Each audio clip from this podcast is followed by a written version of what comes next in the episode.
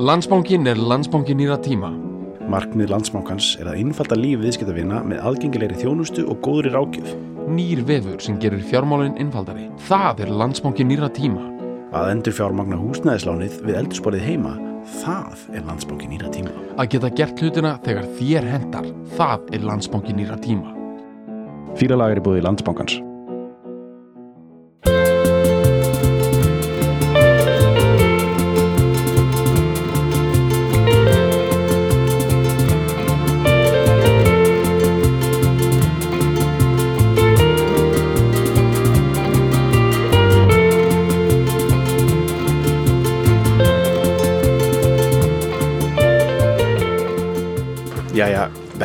Blessaður. Snorri. Ég Uh, ætla að fá að segja eitt hérna í byrjun. Já. Það styttist sko svo, uh, svo hróttalegi hérna uh, frumsýningu á stofuhiti Einmitt. sem eru sjónvarpsþættir í fjórum liðum. Mhm. Og þetta, það styttist í það, það er 25. mars. Mhm. Þá fyrir þetta á stöð 2 plus sem áður hitt stöð 2 marathon. Mhm. Þannig að það er ekki einu sinni nöðsöld að vera áskrifandi að stöð 2 þó ég mæli náttúrulega með því þá þá er þessi stöð 2 plus uh, sem, er efnisveita, sínar og stöð 2 Einmitt. og þar verður þessu hlift inn sko. og uh, Sleft lausu. dýrið bara fær lausagöngu og hérna ég er bara með góða tilfinningu fyrir því sko. Er? Jú, þetta er uh, klárt þetta er bara, bara búið að droppa þessum þáttum inn á FTP server bara hjá stöðu uh, bara búið að að því þetta er svolítið eins og plata sko, þú veist það er að segja að það er mix og master og Já, þetta já, já. heitir annað þú veist, Greita og... greiti myndi vera eins og master og hljó, svo er þetta hljóðvinslan líka. Já, mixið er þá einhvers konar klippingaferli einmitt. og ég er búin að vera með í þessum pakka frá byrjun. En það tillaði meðframlenda þessu líka en ég þetta er að semja og flytja að dótið hana en þetta er sko ég er að um að tala um sko þetta er, meir, en- já, þetta er vel meir en ár í þróun. Uh, og ég er búin að læra mjög mikið sko. Mm. þar á meðal um svona klipping Mhm. og uh, og þetta. Ég er bara sko reynslega ríkari sko. En þetta droppaði bara inn í hérna þetta er bara klárt.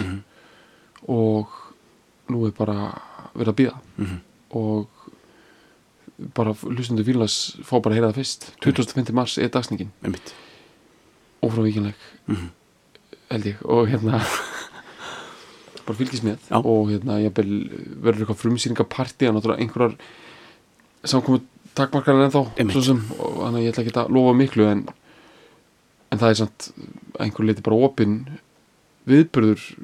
Eða þú veist, ég væri bara til í að fá að deila þessum þáttum, það verða kannski síndir einn eða tvö þættir í Mhm. ég vil sem flestir sem að eru ekki hlust þáttanins getur hort á það. Einmitt. þó að það væri gaman að þau væri öll bara með stöð 2 og horfa það líka þar það bara alveg var mjög gaman að finna bara leiði til þess að koma þessu til ykkar Hjálðarinnar. já, Já. og hérna en endilega bara það er alltaf einhver stöð 2 sko. þetta er bara málið Allavega. Já. Við ætlum að taka eina djúfisins neglu, sko. þá En bestu sko, ég var bara að sjá bara núna rétt á hann þú bankaður gluggan, sko. Þá sá ég, sko, recorded, eh, sko, upptöku dagsetninguna á þessu lagi. Eru allir Já. Og það ég bara svona, ég fekk svona bara já, Uh, þetta er 24. júli já, 67 já, í Olympic Studios í London. Þetta er hugsanlega heitasta heitasta og bara sko svona mesta sko, þú veist, það hefur verið stemming þú veist, það var stemming á stúdíu 50 54 skilur einhvern tímann sömarinn 77 skilur og þú veist, það var stemming út um allt. En þeirra svona, þessi mikið svona þessi svona, svona suðu potta alltum liggjandi stemming eins og sumarið The Summer of Love í London já, þú veist það er að mörguleiti tærara heldur en The Summer of Love í til dæmis bara San Francisco. Já. Þú veist, eða, eða New York eða París eða hvar sem, hvar sem það var allt í gangi allstæðar í þessu sumari en sko The Summer of Love í London. Bara hrinnrættuð ást. Hreinræktu ást þú veist, það var einstaklega heitt sumar Mhm. í London og, og hérna uh, og það er engin loftræsting sko almennt í London. Nei, þannig að fólki var heitt inni líka. Já, og þetta er Heita 24 júli, þetta er, svona, þetta, þetta ekki beint hápunkti sumarisins, þetta er ekki orðið einhver ágústi meira svona, svona modla, sko. Þarna er bara svona krispi sólar hiti, þú veist in the park, þú veist. Þetta er svo gott. Ég skulum bara aðeins staldra í þessu Já, lengur. já. til þess að kristalla þessa pælingu mm -hmm. spekla hann eitthvað annað. Hvað er heitasta dagsetning stemningslega séð í íslenskri sögu?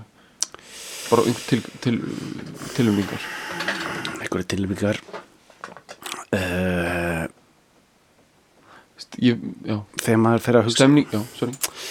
Ég mm, sko stem, þú veist það er það er ærandi stemming svona, þú veist þú veist, ég myndi segja þegar Hótel Borg opnaði sko, já, ok, ok. 1930 já. held ég, eða 30 það er 30 út í að það er alþingisáttíðin sko, það er, já, já, það er hérna, þúsund ára emitt alþingis sko. þetta er svona janúar 30 já, það hefur verið það opnar ærandi sko. Við vorið þetta er svona fyrsta sem er þetta í hug sko. Svo við förum okkur nær í tíma sko þá uh, bara sko þú veist þegar maður hugsa um sko svona dáta neglur já, á strísárunum sko. Já, veit, en það er ekki þetta pinpointa nefnir eitthvað ákveðna dagsetningu þar sko. Nema kannski bara hernámið sjálft. sko bara, já. Það er stemning eða eftir á en náttúrulega það voru mjög margir hrættir já, það er bara mjög stressandi sko. En já, það verður ekki verið meint þannig, þannig ég meina tilgáttu sko, eina, Já. eina tilmynningu það er sko hérna, 200 ára amali Reykjavíkur. Mhm. uh, það er í ágúst 86 sko. einmitt, já, já, já, út af því að það er sko hérna fólk hefur talað um þetta Já, Arnarhóli. Þetta er, þetta er, um, þetta er Arnarhóli og meðfram hljómskólagarðinum sko Mhm. og ég held að þetta séu sama tíma og menninganóttir alltaf, ég held að hún séu haldin að amali Reykjavíkur þetta Mhm. er í kringum 20. ágúst uh, ég man ekki nákvæmlega dagsninguna nei og 86 er Reykjavík með 200 ára köpstaramali Mhm. og Davíð Oddsson er búin að vera borgarstjóri í 5 ár, eða 4 ár kannski Mhm. Og uh, þetta, það er upptaktur að veist, fyrst skipti kannski er Reykjavík að leifa sér að hafa sjálfsmynd út á við sem sko einhvers konar flagskip Íslands, íslenskrar menningar. Það hefur verið svona svolítið já, og bara Reykjavík sé halda stórkostlega hátíð og halda upp á sitt sko er markar ákveðna breytingu í, í sjálfsveitum þjóðarinnar allrar. Og þetta var sko þetta er vist eitthvað frækt að mér sko. Það voru, ég sé alltaf fyrir mér náttúrulega ég veit að fegurinn gerir fjöllin blá og svona en að, að þennan eina dag í ágúst 86 hafi sko ekki verið mikil gjá á millinni fólk sko. Að hafi verið eitthvað sigumólarnir eða svona kukl að spila og Já, svo eitthvað svona blues dæmi já, náttúrulega, og Ríó Tríó og Ríó Tríó, þú veist. Þú veist, sko, Gunnar Þórðarsson var, var held ég sko hvort hann hafi verið bara tónlistastjóri kvöldsins eða eitthvað borgarbrak blötuna Já. í tengslum við þetta Í tengslum við þetta. neckline hérna, vokalana Berg, já, Bergþór Gutuna Já. og, og hérna allt þetta dæmi já, með ekki tvöföld plata og bara, geggjuð já, Og- og og hann var, hérna, hann var að vinna með sko, hann var að vinna með einmitt, einmitt, að, í, í þessu tengtust þá er, þá er Eithor Gunnarsson komin hann inn sko, Já. í svona Gunnars hljóðheiminn sem er alveg svona mjög einkennandi frítjast æstur píjánuleikur yfir öllu sem að, sem að hana, er að gera þú veist bara í svona, fröken Reykjavík útgáðan sko, með ríóinu sko, sem er bara brjálaði þetta sko. er í haustum á mig núna Já, þetta er ding, alveg- ding, ding, dong, dong, dang, dong, dang, dong, ding, ding, dong, dang, dang, dong, alveg brjála sko. Þetta hefur verið nelt á, á Arnarhóli sko. klárlega.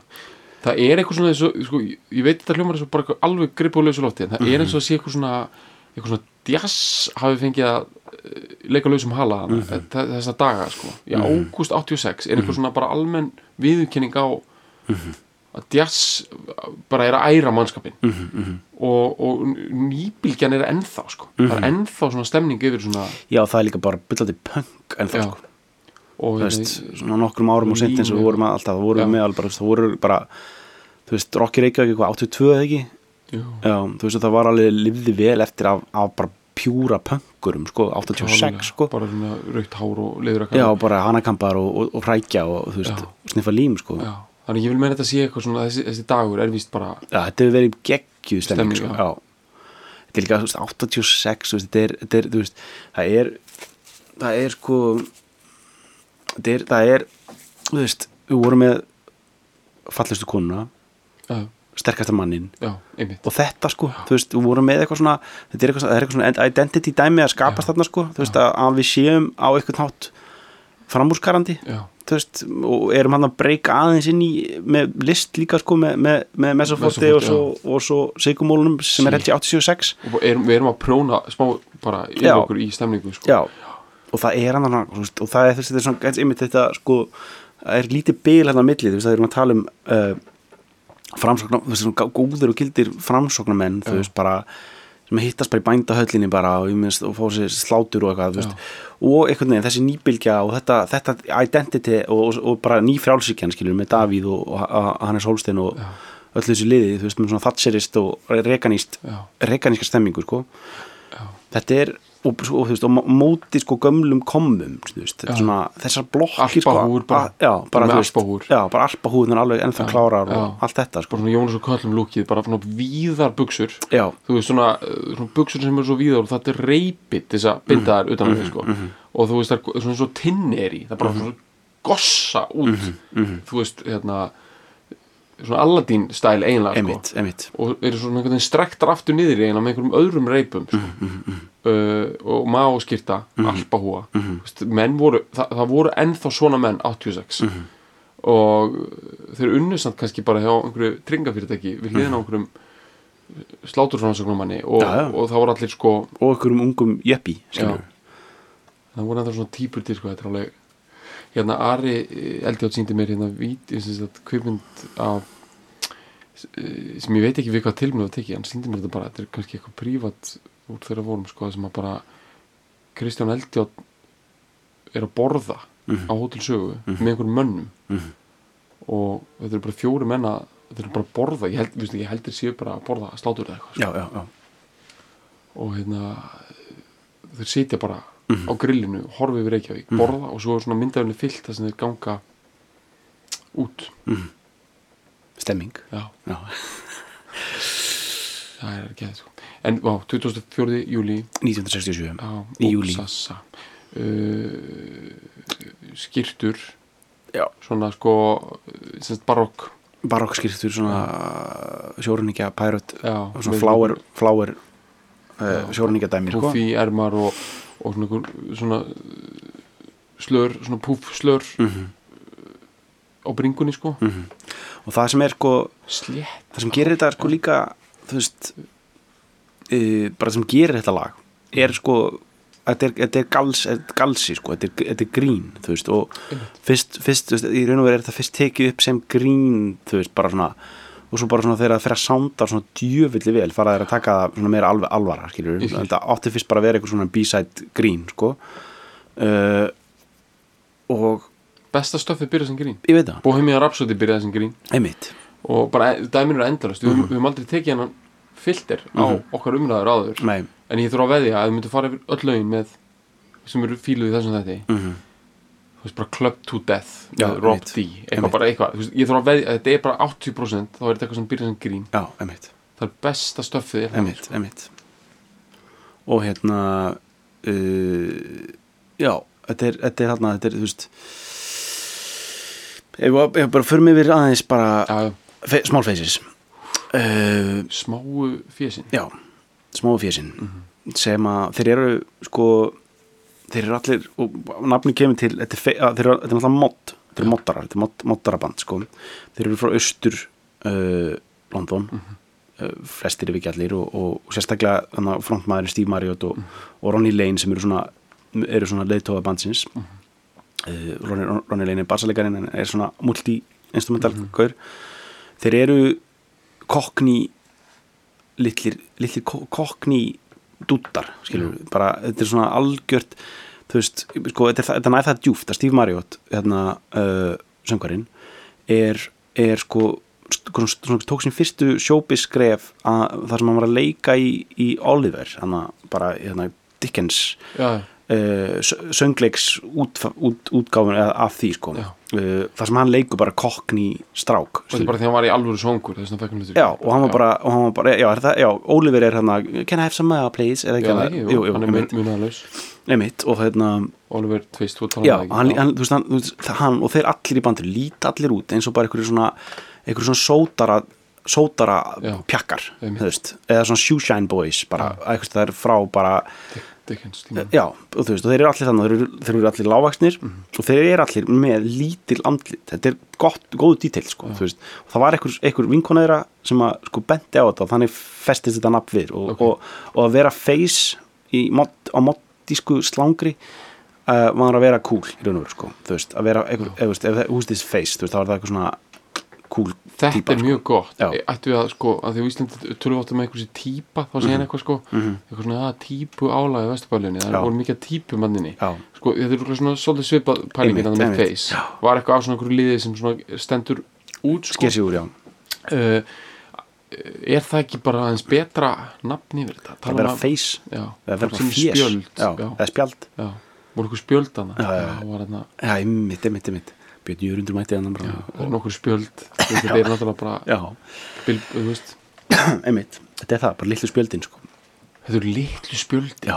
Djúl, er þetta gott? Þeir eru rosalega smáir og þeir eru með hann Þeir eru sko smá og og það- málið er það þetta er svolítið svona uh, áhugaverð áhugaverð dítill með þá. Það þeir gera út á þetta sko. veist, það er svo, það er svo miklu miklu algengara að, að, að þú veist, bara það er bara er, þú veist, þetta er eiginlega bara, ég veit ekki um annað dæmi um það að sko sjópis karlmenn þú veist, geri út á að vera þú veist, fyrir þetta bara eitthvað, gera, bara, gera út á að vera lágvaksnir skilur við, og vera, þú veist litlir og smágerði gaurar. Þeir eru sko, þeir eru, þeir eru litlir, kalla sér small faces og þeir eru litlir, þeir nota ekstra stóra gítara, eh, Steve Marriott var alltaf, var alltaf að vinna með svona stóran holobot í eða svona Gretsch White Falcon eða Já. svona þannig típur skilur og sama, sama segja með, með Ronny Lane bassleikar, hann var alltaf með svona holobot í stóra bassa, veist, þeir eru og þeir, líti út eins og bara pínu litlir, bara með stó, bara litlir dverga hljómsveit, skilur, þetta er bara eitthvað veist, og þetta er svolítið fasjón þarna, ég meina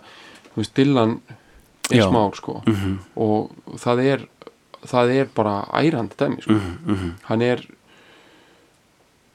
sko ég, já, ok. Ok, langsvægt pæling en sko, þú veist eins og, þú veist þegar, Dylan kemur fyrst fram, þá spilar hann á á sko þjólaugítar sem er ekki full size kassagítar sko. Já, og ég man ekki hvernig þetta er í böndum hvort það er átjón banda í stað fyrir 22 eða eitthvað, Já, eru- það er bara, fólk myndi hugsa það myndi sjá svona gítar fyrir fram að sér núna. Mhm. þetta er barnagítar sko. Og svo þegar hann fer electric sko, Mhm. 65 þá er eina smá eins og hann mingi sko. Já, einmitt. Þannig þá þarf hann að taka sér stratt, já, strætt í hönd. Já, og svo fer hann fljóðlega eftir það bara í venjulega jumbo-sæst gítara sko, sem er standard í dag sko. Uh, svona uh, Gibson 45 já, stærðina sko. og þá þá má eiginlega segja hann mingi og ég held að hann gerir þetta út af því að það er eftirspunni eftir því sko. einmitt, einmitt sko, Dylan framan á Times They Are Changing Mhm. og nokkrum öðrum ljósmyndum sem er á hann alveg fyrst já, þú myndir ekki fatta að þetta sé smár gaur sko. Mhm. það er ekki fyrir hann fyrir að hönsa sig sko yfir einhver stóra gítara sem að einmitt, einmitt það er revílað sko. já, einmitt einmitt en þeir kerðu þetta aldrei á þessu Já. small faces uh, og já, hérna ég meina þetta er heitt þetta er heitt að vera, þú veist, smá smá þetta er þetta firecracker dæmi sko. já, þetta er, þetta er, þú veist, að vera þetta með er, þetta er líka þetta pixie dæmi sko. já, einmitt þetta er veist, þetta er smá svona sexy dæmi líka sko. þetta er svona Mhm. ég meina prins, já, mann með þetta var, var með þetta sko dí, þetta demon dæmi sko. já og þú veist, þú sér það, þú veist, þú sér hor- sem ég mæli með að þú takir núna Mhm. þú veist, að takir smá small faces live uh, video Mhm. session á eftir sko, það, og ég mæli líka með að hjörðin gerir það sko, það er að sjá hann sko, út að hann er sko hann er trilltur sko, Mhm. með, með lilla gítarni sinn að motta yfir sig sko, þeir eru þú veist, þeir eru í þessari þú veist, Steve Marriott og, og, og, og David Bowie ólust upp í sama hverfi, voru bara, voru ná, nánir vinir og, það var svona tímabil allir þeirra stopna svona folk duo þú veist, bara þeir voru þú veist, þeir, eru- þeir, þeir, þeir, eru- þeir fættir 47 báðir held ég. Já, og, uh, þú veist, þetta er, þetta er, þetta er uh, 67 þetta lag sem hann var að fíla, þú veist, hann er, nýjórinn tvítugur. Þannig að bói er ekki búin að slá gegn sko. Nei, uh, og þeir eru búin að slá í gegn alveg góðu ári áður þú veist, uh, small faces það er að segja. Veist, þetta, er alveg, þetta er alveg svona frekar langt inn í þeirra feril á þessa tíma standard ég þeir, þeir eru búin að gefa út veist, tvær plötur og sex singla eða eitthvað, skilur og búin að brenna gegnum 30-40 svona puffy skýrtur. Já, og búin að fara til bandaríkjana og allt, skilur, komið tilbaka og uh, þannig að og hann, þeir, þeir, þeir eru mjög ungir þessi gurar, skilur, þeir, eru- þeir, eru- þeir eru að vinna með þessa unglinga orku, þú veist og er í þessar svona, þú veist, þessari mótt senu með hú og, og, og þessu svona háværa uh, sól inspíraða rocki, þú veist, svona Them, há, them og, og hú og hérna hvað er þetta allt, þú veist Ja, uh, trox, í raun og veru líka, Já, skilur, eru já, þarna sko. já. þannig séð, þú veist, þó þessi kannski aðeins meira pop, þú veist, þá er við samt í þessum mótt feeling, sko, þetta, er feitasta sena allra tíma sko. öruglega tískulega séð allavega. Sko, sound, og soundlega séð.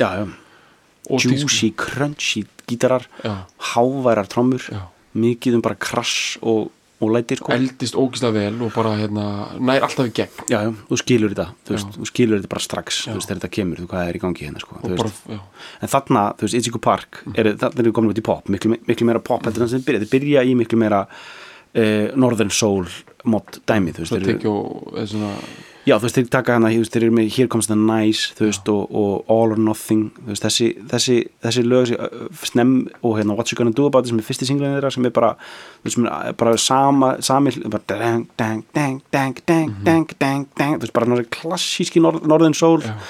hljómagangur, sko, eða riff þessi, þetta er eiginlega bara hana hérna hana, hvað heitir hérna Stones, eða hérna sem að er þetta ekki Solomon Burke eða eitthvað hérna, hérna, hérna Everybody wants somebody to love en yfir þessu bara dang, dang, dang, dang, Stones tóku líka þetta er svona bara, þú voru bara í svona standarda rock neglum, þú veist, og svo með hennan söngvara, sko, veist, með, með Marriott sem er með geggjaða veist, þeir voru með mikið bara að taka bara James Brown og, og, og svona, frekar svona, þú veist krefjandi vókallög, fyrir, fyrir litla litla fæirkrakkerinn, sko með stóra gítarinn, sko veist, í litlum sveittum klubbum, sko. Og fílingur ég veit það. Uh, en þannig eru þau komin svolítið svona þeir eru búin að uh, uh, skipta um pródusser og, og, og label og eru komin með miklu meira þeir eru búin að sæna við hérna, Immediate Record sem er, sem er hérna, fyrirtæki sem að, sem að hérna, Andrew Oldham uh, stopnaði þegar, þegar hann saði skilið við Stones. 67 held ég. Já. eða 66, eða já, 67 immediate records. Já, Immediate sem að þýði sko samstundis eða Já, sko eða svona bara ántafar ántafar, þú veist, Immediate Records það, eru, erum að tala um bara, þú veist að, að, að, að er Andrew og einhver svona executive sem þessu leipuli, erum við að tala um bara, þessi, bara við að tala um bara um bara, syns, 60s, bara þröng jakkaföt, mm stuttabuxur, stuttararmar uh, litlir kragar, mm hvítarskýrtur og, og, og bara reykja stanslust stanslust Já. og tala hratt. Mikið, mikið, litlir hattar já, og mikla pillur líka bara. Já. og bara svona, bara svona fróðufellandi jive talk Já. allan daginn sko. allan daginn. Og reykja ógeðslega mikið. Og bara leigu og bílar símtöl, mikið símtöl. Mikið hringt, og svona leigubílar svona af, og dagblöð svona, emitt, emitt já, og wet lunch, alltaf. Já. Wow, Já. wow, þetta er bara Já. í London 67 og þetta er líka dæmið með þú veist, small faces, þetta er svo mikið svona gaur, svona guttar að, þú veist svona þjættur vinahópur bjór og, og hérna bjór og, bjór og grasband. já, einfalt, þú veist, bara og eitthvað svona over the counter spýtt töflur, bara alveg classic working man's cockney.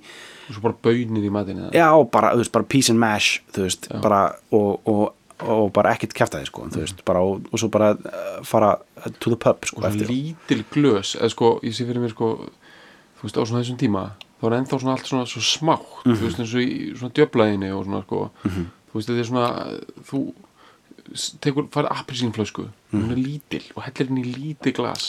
Hverfur alveg í lófan og Já. neglir þessu í því sko, já, já, já, já, já. og ert í litlum stól og ert svona alveg að detta á stólnum að þeim er svo lítill. Og þó að þeir séu litli þá er bara allt það er allt lítið. En það er allt chartsað sko. já, þetta er alveg, maður sér sko svona einhverju jakka, einhverju 60s periodu jakka sko, Já, það já. er maður bara veitu hvernig, komast fólk í þetta? Já, þetta er allt pínu lítið já, já, já var allt miklu minna.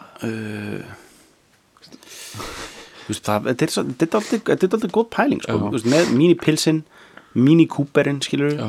uh, Aston, Aston Martin litlu þetta voru bara vennu og þó hérna já, þetta var bara, það var eitthvað svona það var eitthvað, svona, það var eitthvað þú veist, í design og, og bara á hugafærinu að hlutir ætti að vera kompakt, skilur, Já. það vera lí, lítið það er svolítið 60s stemmi já, sko. þú veist pínlítið skrifborð, þú veist svona. Mhm. mid-century húsgögn, ég fílaði alveg vel svo er maður bara að byrja, en hvað með þetta skrifborð maður er bara eins og The Incredibles mm Mhm. maður setur við þetta sko og bara, þú veist, það stendur upp bara kemur skrifborðið með manni sko er bara smokra sér inn í svæðið sko sem að fætunur eiga að vera sko já, á þessum skrifborðum já, þetta tech kjæftæði sko Mhm. við erum með tech stofuborð mm -hmm. borðstofuborð og- borðum við alltaf hérna, mér finnst ég vera svo nálat fólkinu beint á móti mér sko Mhm. ég sit bara á móti krokkanum mínum, mér finnst ég þau vera bara svona 20 cm frá andlitur mínu Mhm. sko.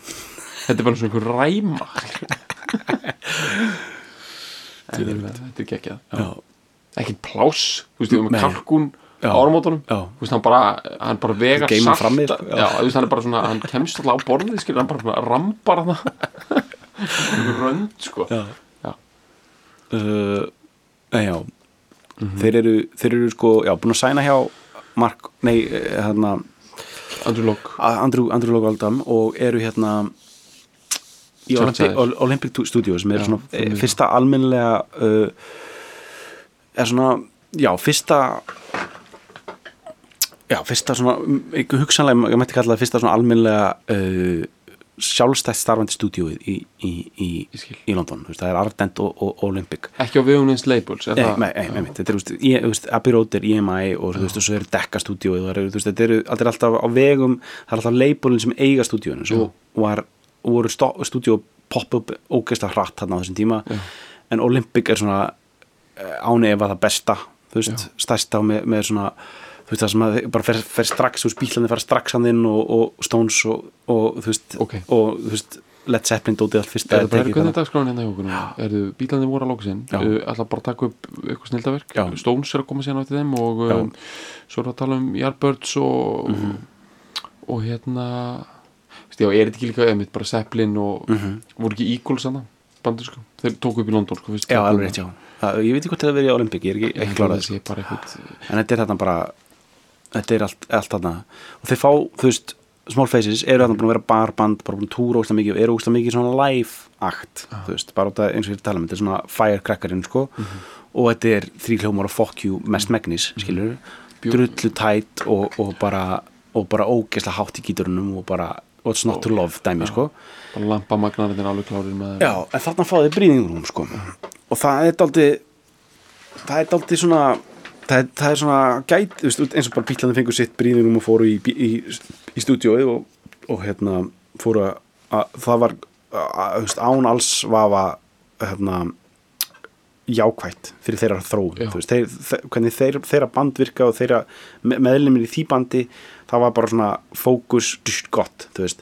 En það er eins og fyrir Small Faces jú, í skam, skamman tíma var þetta líka mjög gott, þú veist, þeir fóru og gerðu sitt besta stúdíodót á þessum tíma.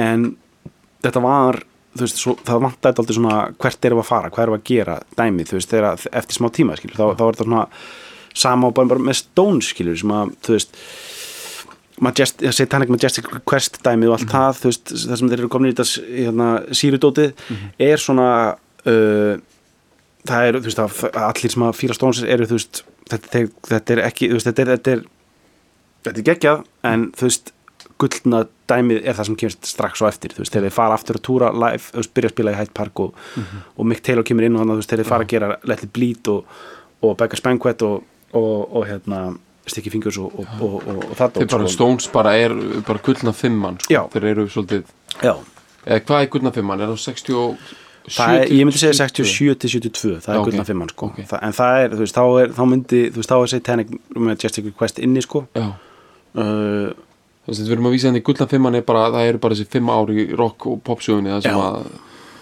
sem að eru golden sko. Sem bara soundið er geðvett og lagasmíðanar og dýftinn ég vil meina þetta sé svo mikið út af sko samspili líka sko.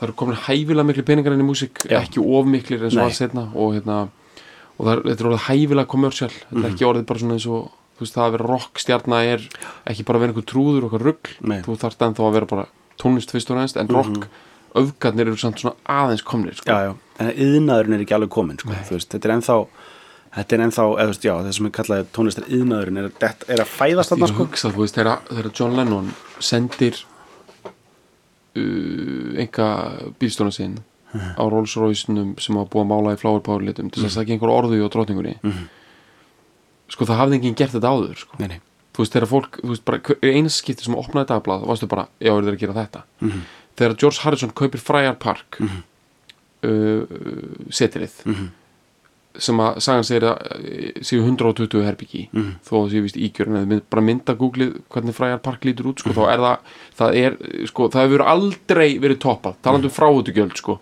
Fr frávutugjöldin frá Friar Park með stærðina bara stærðin á þessu dæmi frávutugjöldin eru, ég myndi skjóta á þau séu svona 50.000 íslenska krónur á mínút bara við að reka Friar Park. Hann kaupið það 1970 sko, f- núna er sko, þú veist, þú ert með einn samning bara eitthvað og þú verður að eiga eitthvað mannsjón þarna var fólk bara byrju, byrju, er þetta að gerast? er 27 ára gammal blikksmiðs sonur frá Liverpool að kaupa þetta? Þú veist, það er gullna fimmann sko. þetta er allt uh, eitthvað nýtt sko. einmitt, einmitt, einmitt. það er bara byrju, keifta Rolls Royce og málaðan í blómum? Já. ok. Vá, þú veit að ruggla með fólk hefur verið bara hjú. það er dæmið sko, það er allt, þetta er allt þetta er first sko, þetta Já, er bara það er það allt, er það sem bara verður aldrei toppað með já, það er að gerast í gullum fimmunni sko. þú veist, meira þess að Sinatra var ekkit í þessu, þú veist, það er bara eitthvað já, ok, hvað er hérna þú veist, já, það er miklu meira basic bara, þú veist, það er bara Já. eitthvað, eitthvað, villa í, Já. Hollywood Hills, Já. skilur það eru bara komin út boring, þú veist. Já, klálega, það eru menn komin út í svona uh, eccentric gilded age billionaire pælingar, sko. já, já, einmitt svona einhver, einhver Great Gatsby já, þvælu, já, já Já. einmitt og þetta er að gerast þannig, 24. júli 24. júli Olympic Studios, hvað er um? Hva, hvað eru við að tala um? Hvernig lítur þetta hús út af utan? Ég er ekki alveg klár á því sko. Ok, en það sem er, það sem er, það sem er sko einkennandi fyrir Olympic Studio ég segja, væri sko það er, það er, er lofthæðin sko og, Ah. og þú veist, þú hlustar, þú hlustar á bara hugsa, hugsa bara um Led Zeppelin trommusandið skilur sem er ógeðslega feitt trommusand Það skilur finnir í tekið beinmernum sko. Já, þú veist, það er þessi thick punchy mm -hmm. bassatróma sko, það er herbyggið sjálft, það er bara svo geggjað sko, þú veist.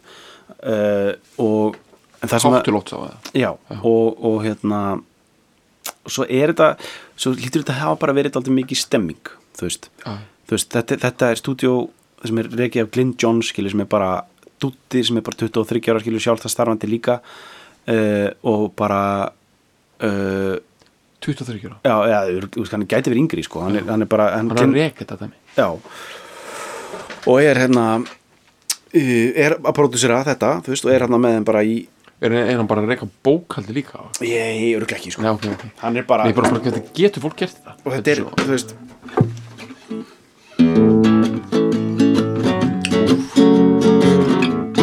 Þetta er svo, þetta er svo basic þú veist, og þetta er, svo, maður, þetta er sko Ronny Lane semur, semur eiginlega lagi aðalega Ronny Lane, hérna bassalegarinn sem að sko þið verður líka bara að mynda að googla hann á eftir sko, hann, er hann minnir með mjög gott svona English chap look sko. Uh, í lélega húð sko, var oft bara, hann alltaf er líka bara 19 ára hann skilur og er bara ennþá bara með mjög mikla bara bólur skilur, bara og, og hérna uh, hann á svona aðal heiðurinn á þessu leið sko. ef við ætlum að fara við ætlum kannski bara að kíkja aðeins á textan sko, til þess að koma okkur bara Já, af hverju ekki sko, ég segi það, Ég veit ekki sko við erum búin að setja upp veist, þetta er 24. júli 1967 þú veist, bara hvað þið voru að gera kvöldinu áður þú veist, eru að vera í svo ógeðslega skemmtilegu partíi þú veist, í svo langan tíma þú veist, og koma svo inn í stúdíu og eru fannir að, þú veist, að leika sér með alveg ógeðslega basic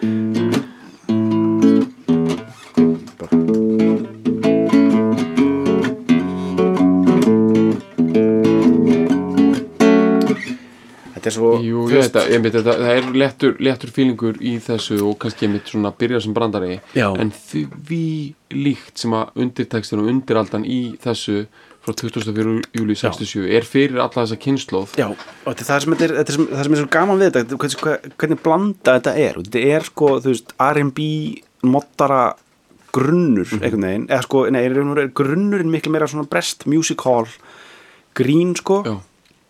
En, en, en hérna uh, það er, því er hent inn í þú veist, það sem eina sem þið kunna að gera er, sem er bara rock og roll, skil. skilju, R&B skilju, og það er svo mikið kraftur yfir gríninu, skilju, sem að keirir þetta heim, sem, sem, líka þú veist eins og singullin sem kom held ég bara stuttu setna hann Lazy Sunday, sem er svona einna þeirra stærstu lögum líka Já.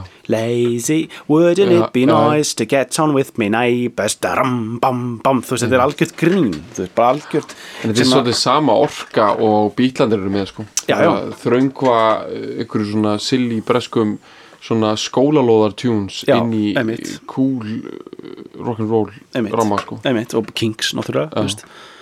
Mjög mikið eh, eðal blanda sko já, ærandi sko hérna bara rétt hérna ánum fyrir mig textan sko bara uh, sko þetta hugtak mod Mhm. bara þess að fólk uh, áttu sig á þessu sko Já. Þetta er reyndar, það er alltaf til sá subkultúr, sko mod er næstu skilgrinning á því sem er kallað eitthvað svona subculture sko, út af því að þetta er ekki uh, þetta er ekki fjöldamenning. Til þess að reyna að útskýrta þá er sko sko hippar reyndar eru svolítið svipaðir í bandarækjunum og annars staðar. Ok, ég vil ekki þvælda of mikið í byrjun nema bara sko eitt af því sem gerist við samfélag okkar uh, eftir setna stríð. Ok, ég er að byrja, no, nei, höfum okkur það er það að þau verða miklu fragmenteraðari þú veist, bara menningin og, og út af því að við byrjum að stjórna okkur sjálf meira í neyslu og ministri og hva- hvað við konsumum í tónlist og hvað ákvarðanir við tökum og svona eins það leiti þess að við vorum skilgrind í mestalagi bara út frá hverja trúar þú ert hvaða social class þú ert frá skilurðu. en þetta er alveg nokkri og í, í þróum og stórum samfélögum er þetta alveg nokkrir hópar sko. En það sem byrjar að gerast eftir setna stríð er það að það er, byrjar að vera svona fragmentation innan þessa sko. Og bara þó að pappiðin sé einhver múrari eða getur þú verið þetta og eitthvað blá blá og uh, upp úr 1950 þá við höfum talað um þetta svolítið í tengslu við bara hugtakið beat sko, hvaðan það kemur. Þá byrjar að vera til einhver stemning í kringum uh, aðalega jazz út frá músíkinni og þetta er svona tengið svolítið svona líka svona, svona tækni brjálaði og svona borgarvæðingu svona urbanization að vera til þessi beat kynnslóð, svona svona köllu það en bara þessi beat menning og hún er svona módernísk nútímavætt uh, sem sagt, bóheimlífstillin sko. það er sagt andborgarlega sinna nema það er nútímavætt, það er hratt og það er modern og það, og það er töff. Og bítið er svolítið svona það er, allsta, það er í öllum þróum samfélögum Breitlandi, Fraklandi, Bandaríkjunum en beat kynnslóðin mjög mikið tengt við Bandaríkin og verður síðan upptakturinn að uh, bara miklu bara í djassi og, og, og, en samt kannski aðra tengt við bókmyndir í dag en lauma sér inn í tónlistina því að þú veist allt þetta beat sem að bítlandi kenna sig við það er þetta beat sko. og hérna mod er svolítið svipað dæmi það byrjar upp á 50 það er mjög mikið tengt jazzi og slis og það er hugmyndin um the urbanite sko. veist það er hugmyndin um það að þú, það skiptir einhver máli þú pappiðin sem múrari. Þú veist ég er bara alltaf klæði mig í jakaföt og ég er bara það sem ég er akkurat á hvernig tíma. Ég lappa út um dyrnar og ég er bara ég er bara ljós og ég er hraði. Þetta er bara svona kenningarlög Corbusiers sem að metur sko ljós og hraða sem aðstu gildi manneskjunar þú ert bara elda ljós og elda hraða. Nei sem sagt, jú, ljós og hraði og þess vegna skilur eru mótiníska byggingar ótrúlega háar og aðgengið að bílum og þess að fara á hraðbrautir er bara endalaust skilur. Þetta er og mótið kemur bara af modern. Uh, og ég held að sé svolítið svipa hugtak og beat sko, beat kannski vísa til, já, bara slagsins uh, rithmans og, og, bæði mótunísku arkitektanir og mótunísku hugmyndismiðinir eru allir svo obsessed af djassi og rithmanum og þessu regluverki og gangvirki sem er innan þess. Og manns andin getur fyrst fengið frelsi þegar hann fara að sprúðla sig út innan þess sko. Mod menningin er þetta sko. Mm þessi eftirstríðs ungt fólk að lifa fyrir augnablikið í stórborgum undir neonljósunum að í geggjum fötum sko. En svo líður og býður að því að þetta er rosalega mikill subkultúr og er kannski tengt við bókmyndir og okkur ákveðin ljóðskáld og eitthvað. Svo rís bara upp fólk í London og þetta er bara, og þetta er aftur er þetta subkultúr þetta er mjög lokaður hópur og þetta eru þessar hljómsveitir sem þú nendir sem að byrja einhvern veginn að elska þetta hugtak og keira rosa mikið á þessu sko. We Are Mods. Mhm. og þá er þetta bara þá bara, þá, þú veist, og það er ef við hugsaum um mod í dag, þá erum við helst að hugsa um það. Londonites 65 til 68 kannski. Small Faces er einn aðal hljónstinn í því. já. og það er líka bíómyndirnar og, og moddið er litlu bílarnir sem við vorum að tala um. Litlu bílar, Lilla vespur. Já, Mhm. uh, jakkaföld mm -hmm. góðar hálkuslur Mhm. og, og konun er náttúrulega í mínipilsum skilur, litlum Já, pilsum. Það allt er. lítið. Og hraði, tyggjó Mhm. tyggja tyggjó hratt. Mm -hmm. Andrew Lok Oldham stæl, reykja mikið. Og sólkleru inni. Já. og þetta hefur orðið að timeless cool Mhm. ég meina uh, það er bara stundu verða til einhvern svona hlutur sem bara þú veist, þetta, sko, til- til margsum það hversu lítið þessi tíska eh, dett, hefur dottið út Mhm. þá er sko kvimni Quadrofinia sem The Who gerir til þess að veksama modkultúrin Mhm. hún sko er frá 77 hlis. Mhm. þannig að sko bara 10 árum eftir að þetta er hápunkti þessi mod hluti Mhm. sko fyrst að það moddararnir 67 er að veksama einhver stemningu frá 57 já, einmitt, einmitt. 77 er aftur komin stórkostlega veksumun og meðan hann Sting leikur hlutur gímyndinni Quadrofinia sem Who fr- framleiti og náttúrulega Gaur sem leikur aðalutverkið sami Gaur og leikur í parklæð myndbandinu og, og, og talar þar. Já, Phil Dalians Já, bara svona þess að tengja. 77 er þetta mjög ferst, mjög cool sko, 87 þú veist, ég bara að segja, því á 10, ár, 10 árum eftir eitthvað gerist, á það ekki að vera lengur í tísku. 87, bara eitthvað svona þú veist, eitthvað svona bara Tom Cruise bara meðan einhver sorgleiru eitthvað, einhverju jakka, já, já, eða skilur bara þessi tíska er, einmitt. þessi svona, vera svona vera svona, veist precise, Mhm. nettur, mm inni þú veist, vinna einhverjum mm veist, þetta er svona einmitt. og svo segir, þú veist, 97 þú veist, þá er bara Britpopið en þá. Mhm. uh, Parklife kemur út 94 Mhm. með bara Celebration of Mod. Og ég skal ekki segja um 2007, 2017 eða eitthvað, en ég Mhm. bara vil meina það að, veist, ég myndi sjá bara eitthvað, koma hérna, lappa hérna göttuna núna, einhverju stórri, stórri úlpu Mhm. yfir einhverjum pinstræp doppelbrestet jakkafötum Mhm. með hári greitt, með tyggjó lappandi, lappandi hratt í einhverjum Moddari. Bara einhver moddari, skilur, ég myndi sjá hann bara í Chelsea boots, bara upp á upp á 10,0 sko í bónun. Uh, bara á hverju vespu þú veist, ég ég, ég meina, þú veist, ég myndi hugsa veist, þetta er bara, þetta er bara tískan 3. mars 2021 sko. Þetta er svo ógeðslega timeless, cool. Þetta eru bara hverju hönnuðir, þeir komast ekki yfir þetta. Þeir eru bara í mod, alltaf í moddi þeir bara, hvað er að gera fyrir haustískuna þannig að yfir Saint Laurent bara haust 2021 ok. Uh, Mod? Mod, já, þú veist það bara neglum við út bara þeim já, lægi sko og, það er bara verið að dúndra út þeim og Troxarði tróksar það er alveg klárir og já, allir, bara allir graðir allir í stuði, allir með tyggjó allir í geggjum fötum þú veist, moddarnir dyrkuðu góð efni veist, getum Textíl sko tek, þetta eru textíl fíklar og það er það sem að, sko ok, þetta er bara uh, allt sund, bara til að ná utan um þetta moddæmi, þetta er sko í huga sko. Já, þetta er bara, þetta er svo ógeðslega mikið ultimate cool sko að það er svona umfram allt, við erum að fíla það svo mikið í þessu Já, sko. Sko það er bara málið. Það, Þetta er- þetta góða punktum með smálfeysir það er sko, þeir eru hann alveg kyrfilega í mótinu sko, Já. svo fara þeir að fytla við hobbitashitið sko. Já, og fara, þú veist, fara að fytla við uh, svona uh, Gandalfa eitthvað. Já, svona Gandalf sitt sko. Og þá, sko, þá er þeir það, það er, mörg, það er eiginlega bara feitast að skilur, þú veist, ég dýrka líka þú gerði þetta líka sko. Já, ég dýrka þetta early mod- mottót þeirra, en þú veist, þess að platan hann Audience Not Gone Flake er alveg, þú veist, það er bara besta platan þeirra, er þannig að þessi svona stúdíoplata þeirra stóra frá 67 uh, eða 8, held ég og, og það, þeir, þeir eru nú bara hætta mjög fljótlega eftir það. Út af því að uh, Steve Marriott er bara búin að, veist, hann er bara ekki að sjá framtíð með, með bandinu, skilur, þeir eru bara Marriott vil fara hefji, meira hefji dót og þeir eru, veist, ennþá bara svo mikið popband, skilur, þeir eru bara og, og hann, eh, hann stormar á sviði, sko, á eh, nýjárs tónleikum New Year's Eve tónleikum eh, í, í, í Alexandra Palace í London uh, gamlarskvöld 1968 og bara öskrar I quit sko. Við förum yfir downfallið niður uh, hérna niðurlæði á þessu öllu. Já, sólsettrið á þessu mm stórkastleru sögu. Þau eru búin að taka textan ok, að það sko í þessum texta vil ég meina að þetta sé allt falið sko. já, ok.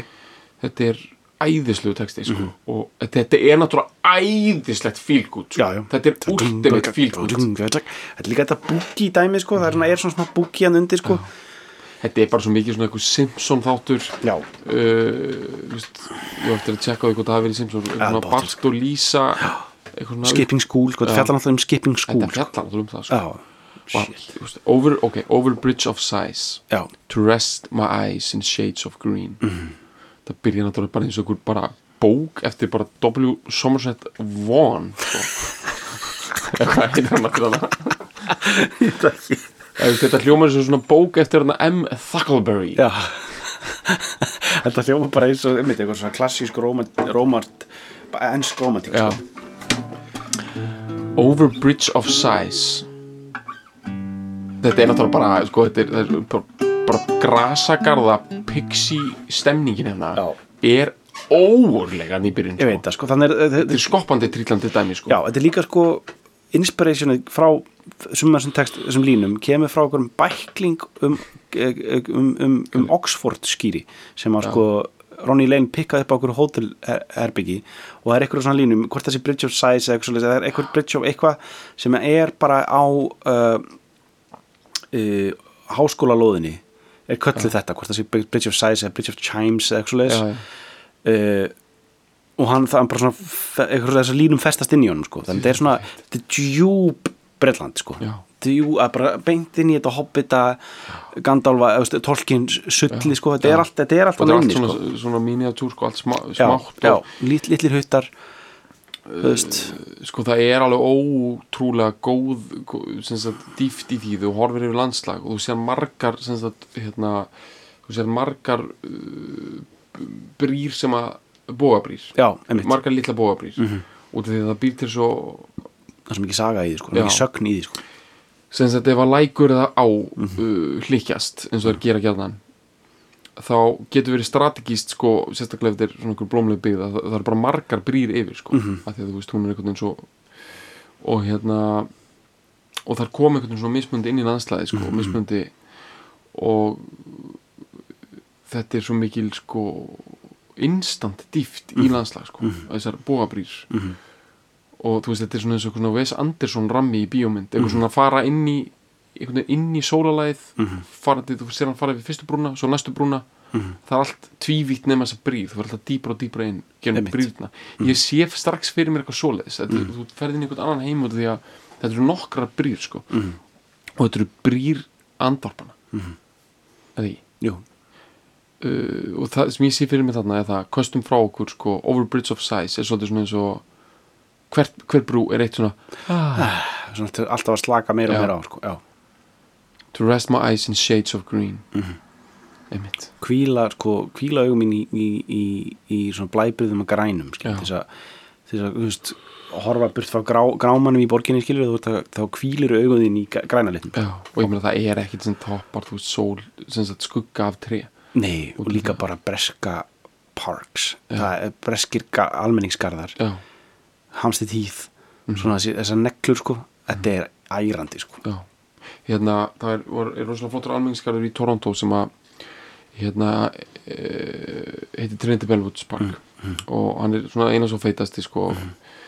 Hann, hann er bara hann við norðan við Queen Street West, West, Queen West. Og er hérna store og hann er svona smá euróskur, það er svona svolítið eins og svona London stæl mm. eldkomi leikatri og, og, og fólk í hakisakk og hashish hassís og útigrill og Já. baseball og svona allavega það er svo, ég, og ég bara var mjög mikið hann svo kem ég ekkert og sé ég bara að það eru svona, svona ótrúlega svona, svona gríðalega stóri svona kransar undir einn í tré sko. mm -hmm. rosalegi kransar sko. einhverju svona bara, bara einhverju krossar og, mm og ég bara af hverju er þetta? Bara vissir það ekki? Það var par hérna bara bara þrjú síðdeis bara á fimmtudegi, bara chilla hérna bara svo allir gera. Bara í einhverju snild hérna. Það það var bara hásumar sko. Mhm. og það fjall grein á þau. Drap þau bæði. Og hérna þetta bara dóu, ég meina þú veist ég horfði upp þetta er bara rosalega stórt tré og ein, ein grein getur bara verið mörg hundru kíló eða eitthvað smallaði þið bara, þau bara sopna bara, bara, búin að dotta bara undir ykkur í trí og já, eða kannski voru jafnvel bara vakandi og Já. shit. Já, ég bara segja sko þú veist uh, hvernig, hættunar leina svíða já, já, þú gera það. Og hérna í þessum bresku görðum ég meina með þessa statistík, mér var sagt þetta eins og já, ég meina þau eru bara fyrir grein ég meina, Já, ég, ég man eftir því bara þegar ég var í New York bara fyrir svona þreim ránum síðan Mm. og bara hafði eitthvað, kon, eitthvað kona orðið fyrir grein í Washington uh, Square Park bara kvöldin áður var bara orðið fyrir grein Já, eða semst grein lent á henni eða hvernig sem er, bara grein lent bara, hún já, bara orðið kann- fyrir grein orðið fyrir grein bara orðið fyrir bíl, orðið fyrir grein. Hvort, orðið fyrir grein eða bíl? Já. Orðið fyrir grein? Já, Já. ok Já, ok uh, já, ég myndi halda semst að já, góður og þessi bersku garðar eru þá skulle ekki glemma því að í einhverjum svona Parks and Rec skrifstofu í London Mhm.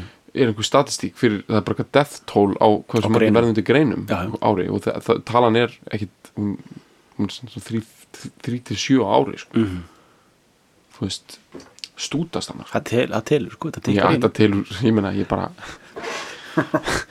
ok, Ok, næsta lína já Under Dreaming Spires Spires, já, það er svona boga, Mhm. boga er það ekki svona bogadregin svona trjágöng eða þannig Er það svoleiðis? Ég Ég, held að þetta væri bara sagt, einhverju turnar sko. En þetta er líka rétt Já, spýrur, já, meina það, já, gæti verið. Ég veginn sá fyrir mig svona svona trjágöng eða þannig, sko. Ok, en allan, já. Ég bara veist, sko, þitt, Þín kenning rýma meira við það Þessu ég er bara komin inn í garðin og sjá ekkit lengur sitt nei. En ég sá eitthvað fyrir mér að þetta væri sko einhverju svona distant kirkjuturnar sko, en, en hérna, líklega er þetta bara einhvers konar mm -hmm. eða Ok, ok To Ichigu Park. Mhm. That's where I've been. Hérna, Þessi garður er til. Já, eða svona, sko hann heitir ekki Ichiku það er svona kokni slangrið yfir hann, sko. Já, uh, en þetta er- eitthvað garður bara í suðaustur ég googla hann ekkert í norðaustur hérna í norðaustur London sem að heitir Little Ilford Park sem að Já. bara er í hverfinu þar sem að Steve ólst upp og, og þá David Jones líka þar sem þeir, hérna, já, Eh. uh, bóin og þar sem þeir í skólan Já, fóru í hennar garð, Mhm. reyktu dúbi mm og uh, bara dóu úr fegurð -hmm. og þetta er sko Ichiku er eitthvað, sko, þetta er eitthvað svona, eitthvað svona brenninetla eða svona þyrni já, dæmi sem að sko hérna var út um allt í þessum garði sem þau kölluðu, þau kölluðu Ichiku, heit- heitir bara eitthvað annað eitthvað, þú veist, Já. eitthvað netl eitthvað einmitt uh, og það, það þú veist, þau bara var kallað bara farið í Ichiku Park, það var bara að skip skúl farað þangað í náttúruna og andvarpa bara já. þetta er ótrúlegt sko. ég, ég myndi að googla þetta einhvern tímann á eða sem ég fór í Google Maps Mhm. og átti bara svona okkur stund sko, Mhm. gegnum skjáin í Ichiku Park og hérna, það var ekkert mál að finna þetta þetta er Mhm. svolítið síðan og hérna uh, ég fekk svona alveg 3% tilfinninguna því að vera þarna sko. mm. En ég myndi að vera þarna í grári London Mhm. kannski 1963 eða eitthvað það er að verið ennþá í krakkar Mm. og verið í sagt, ullar breskum skólabúning Mm. klæjað undan einhver svona einhver svona kraga sko, Mm. og stöðbuxum Mm. og brenna sig á brenninellunum í Ichigo Park og Mhm. svo kemur sólinn fram og þetta er uh, ólegt sko. Mm. uh, þeim náða að miðla þessu í lægi síðan uh, já, en svo kemur hérna what did you do there? Já, við, viðlæðið, já, kemur. Já þá er það spurt í, í sagt þá spurt. kemur sko, þá kemur R&B-þinn sko. Já, kemur sko algjört R&B feelingur sko. Veist, call and response Já. What did you do? What did you do? Algjörlega.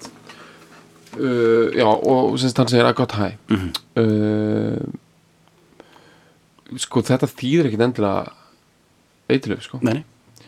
Þetta hafa þeir ekki verið að reykja gras 1963 sko. Nei, nei, nei, þeir bara verið ekki með mikið sígarettum sko, bara sem, Já, en þeir bara uh, þeir bara fóru í aðra ástand. Já, ok, við skulum nefnilega hafa það þannig sko, Já. til hérna. þannig. Svo kemur what did you feel there? Mhm. well I cried. Já. But why the tears there? Mhm. I'll tell you why. Já, einmitt, allt hefði ég væði sko. Kemur, Askali sko, segja þér. Já, og svo kemur frægast að lína sexunar. Too beautiful. It's all too maður ekki, við vorum að við vorum að finna hver væri fræg, frægasta lína sexunar einhvern veginn, við vorum að tala um það. Mm. og, og það var einhver, einhver í einhverju lægi sem fílum voru, þetta er frægasta lína sexunar. Mhm. og ég man, en þú komst með eitthvað, er það ekki hana? Come on. Everybody get together try to love hvað er það aftur? Það er hérna come on people now Smile on your brother. Everybody Já. get together. Þetta er hérna The Youngbloods Þetta er bara svona Kaliforníu band eitthvað sko. Já, Þa, það er ein frægasta lína Já. sexunar sko. Mhm, mhm. uh, algjör svona Forrest Gump sexa sko, Mhm, þar klár.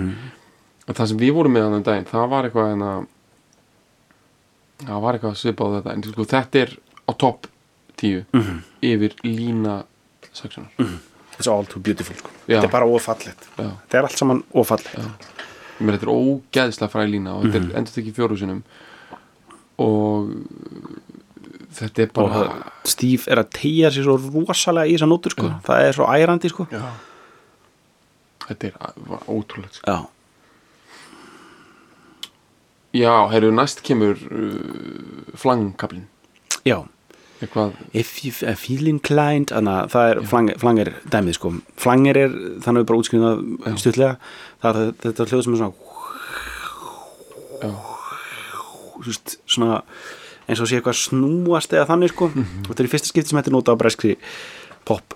Þetta er í fyrst skipt já, þetta er innovation bara sem að ykkur engineer í, í Olympic Studios á. ykkur á milli hljónum hans og hljókjámas þetta er sem sagt sko, held ég, á þessum tíma áður en þetta var gert í bara einhverjum svona eh, fókusir eða dæmi sem þú gast gert í einhverjum svona pedal þá er þetta, þetta er þrýr þá er þetta þrjú tape machine í gangi á sama tíma. Uh, EQ-uð mm, á mismöndi hátt þannig að það er eitthvað svona topp og botn staðar og, og hvort að eitt sé aðeins hægar eða eitthvað svo leiðist, þannig að það verður, þú veist þá verður verður til eitthvað svona eitthvað svona misræmi sem að gerir hennan, hennan effekt sko. Pæti hvað verið gaman að finna upp þetta dót já, sko, reverb sem er einmitt bara einfallistu hluti í heimi að gera uh, bæði náttúrulega digitali að sjálfsög en líka í pedal og svona Mhm. þú veist, og er búið að vera það heilengi það náttúrulega var ekki, það var gert með uh, skilur með því að með bara rými sko. Mhm. og hérna og í bara sem sagt, það er svona reverb chamber já, já, í hérna til dæmis í Hitsville USA stúdíónu hjá Mhm, Motown sem að og uh, já, slapback ekkoði líka, það var í Sun Studios í- sem ná því já. Og, og gítarinn. Og vokalinn líka, Já. þú veist. We balloon like Jesus man og er að syngja bara inn í eitthvað, kassa eða? Eitthvað. ég held að það hefur verið keirt út um hátalara sko og tekið upp aftur, til þess að ná því. Ok.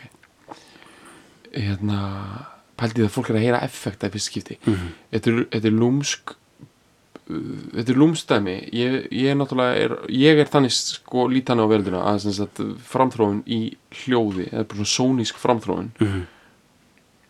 Uh, frá á, svona ákveðnu kannski 10 ára tímanbili Mhm. uh, 63 til 73 eða eitthvað Mhm. sé bara einn stórkostæðasta bara menningabilding Mhm. sögunar, alveg óvað sko, að fólk fókusirar eðlilega á, jú, textandir eru dýbri og, Mhm. og lagasmiður eru flottari og þú veist, framsetningin og þetta var alvarlega en sko bara, bara sjálf upptakan Já, bara Já. upptöku breytingarnar og hvernig út í þetta hefur áhrif svo djúft inn í tögakerfið á okkur við erum að heyra eitthvað sem við hefum ekki heyrt áður. Og fyrir mér, ég lít svo á að sem sagt sko stærsta afreg mannshugans er það að geta tjáð huga sinn t- tjáð tilfinningar með aðstóð ramax mm. þess að í formi þess að bú, ég- mér finnst best að hugsta þannig að að geta búið til tónlist úr en þá er ég ekki náttúrulega að tala um bara raftónlist. Út af því að ég lít svo á að, að rafbóð, nákvæmlega eins og bara líka með sjálfur gengur fyrir rafmagni, það er rafbóð í heilanum og það er rafbóð, við, við erum með eitthvað tíðnisvið að hafa fundið leiðina til þess að miðla því út. Mm. og þannig að þá tek ég uppfinningar eins og útvarp uh, rafmaskítar Mhm. og bara hvers konar svona sónísk dót sem fer í gegnum einhvers konar snúru Mhm. á einhverju tíamóti uh, það er bara þróun sem hefst ekkert að ráði fyrir upp úr 1930 Mhm. og ég held að það bara hafi bara breytt bara heiminum, bara meira heldur en neitt annað Mhm. ég, bara, ég held að sko uh, bara, það, mér- það er bara stórkuslega heldur en geimferðir og, og, og millilandaflug sko. Þetta er bara þessi hugmyndu það að eitthvað sem liggur í hjarta einhvers, einhvers staðar, í bara einhverjum bylgjum þar Mhm. að við sem komum einhverja leiðir til þess að magna þessar bylgjur upp og búa til tónlist úr ramagni sem að bylgjast einhvern veginn til annara hjartna annar staðar Mhm. er sko þetta er náttúrulega langt út fyrir að skilgrina þetta bara út frá einhverju tæknisögu en þetta er náttúrulega bara þetta er ótrúlegt Mhm. og ég held að þú veist þegar fólk heyrir þetta flanger effekt þannig Mhm. Ég er samfarið um það, þetta, það, það bara, veist, þetta er ástæðan fyrir því að bara the stiffs at the beep sko, Mhm. í BBC sko, voru bara stressuð að spila þetta sko. Veist, þetta er Þetta er of Já, já. þetta er bara eins og hérna, og það er engin veist, ástæðan fyrir því að fólk var skítrætt við nýja kynnslóðana mm. Þau voru bara með eitthvað sem var upplöður heldur en hríðskotabissur í höndunum veist, það er ekkit eitthvað þú veist, í dag getur ekkit verið eitthvað ok, já, unga fólki er með TikTok og Mhm. já, en þú veist þau er ekki með flanger, sko Mhm. já, það er þetta er, ég, ég ærist ennþá ég var að hlusta á þetta áðan ég bara, hann segir I, I feel inclined to blow my mind Já. I feel inclined to blow my mind Þetta er svo mikið bullshit Ég dýrka Ég dýrka þeirra svona bullshit Er svona mikið negla sko. Ég held að við örgulega, örgulega sagt áður eins og við tala um þessar setningar, sexu setningar eins og þetta. I feel inclined to blow my mind Já. og hérna eina mínum uppáhald sko, sem er hérna Let the children boogie Let all the children hérna, Let the children use it Let the children choose it Let all the children boogie Þetta er bara mesta bullshit, það er enda sjöni en, það er, en já. það er samt ógeðslega það er svona, þeirra svona rock bullshit er svona mikið negla sko. já þeir, þeir, dýrka þeir, það, sko. það er svo alvarlega eins og Donovan þegar hann er að tala um hann að Once upon a time there was a Já, já. underground Einmitt. Hail Atlantis hann, hann er svo að meina þetta Já, já, Donovan er náttúrulega mjög sterkur í, í svona bullshiti sko, hann er alveg, hann er með það Hann er alveg alveg sko, með það, við Donovan- vel yfir í hérna uh, Yellow Mellow já, þættum sko. við bara, þú veist, hann, hann á skilin sem að vera Electrica banana hann hann á skilin að vera það er minnst á hann í þessum þætti Já, að já. þetta lag sérstaklega er svona Donovan-esk Já, já, það er negla, alveg sko. sagt, já, já. þetta er hérna Donovan ég, ég held að hann hafi bara sveimið á ég bara bara verið hálf pyrrað þegar hann heyrði þetta lag. Já, ekki tímið það sko. það er verið yfir Donovan að sjálfan Já, já, Donovan sko. já, hann er sko byrjaður í sínu hérna, sem síkadælju bara 65 Já, Hörti Gördi menn til dæmis er mjög gott dæmi um mikið flanger, það mikla sex, flanger. það er 66 eða ekki nei, þetta er að fyrsta séru Já, ég held Já, að, ég held að Hurti Hörti Gurdy Gördi menn er sé, sé alveg örgla 67 sko. já, ok, sorry. Ég held það sko. En hann er byrjaður samt í einhverju svona sírudóti Já, svolítið eh, fyrr, sko. hann er með hérna a gift from a flower to a garden Já, er já. 66 Sex, eða já, ekki? og náttúrulega og, og Sunshine Superman líka og Yellow og allt það. Jæks en uh, I to feel blow- inclined to blow my mind. Get hung up, feed the ducks with a bun. Já, ég uh, hallast að því að uh, sprengja huga minn og uh, sko get hung up að vera hung up hann er að vera svona ég er raun og veru bara í þessu kannski kallar bara að fá kvíða sko. Já, í raun og veru sko. Að vera svona hung up vera sko uh, þú veist, mikið, mikið nota slangur á svona, síðsexunni svona, svona hung up þú veist, bara, þú veist, að þú, þú ert með svo fullir af bara flæktur í raun og Já, já, algjörlega. ekki beint kvíði, þetta er svona flækjur, svona flækja hung þig. Up on that, já. hanga bara dream þú veist, lagið með zombies og þetta er svona Beach Boys þetta er, þetta er, líka- þetta er, er Mike Glover. Þannig að þeir voru náttúrulega með flæk, flæktan já, einmitt. Þetta er, þetta er, þetta er já. talandi um, talandi um eitt. Up, eru smáir. Lítið af skrokk. Mhm.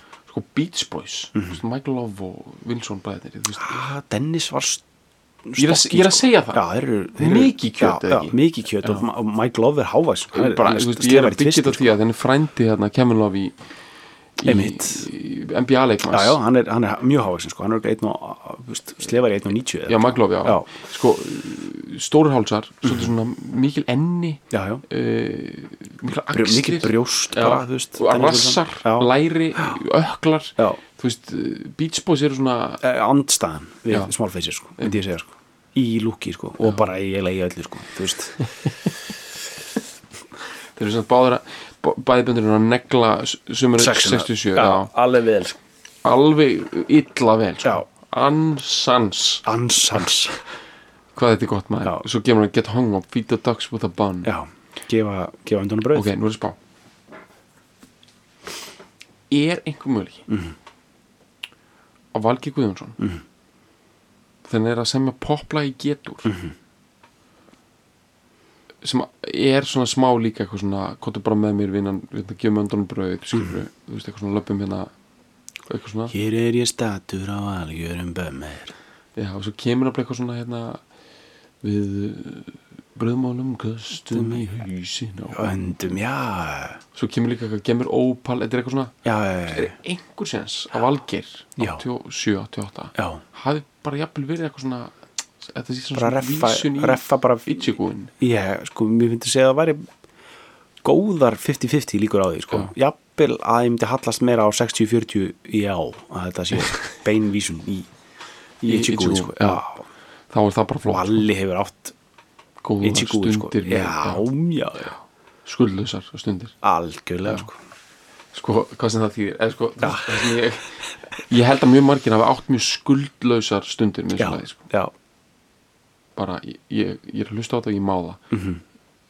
það er indislegt já, og ég nýt þess já, og ég má það bara, veist, það er, það er bara enginn getur tekið þetta að mér Nei. hvað ég er að fíla þetta lag mikið Nei.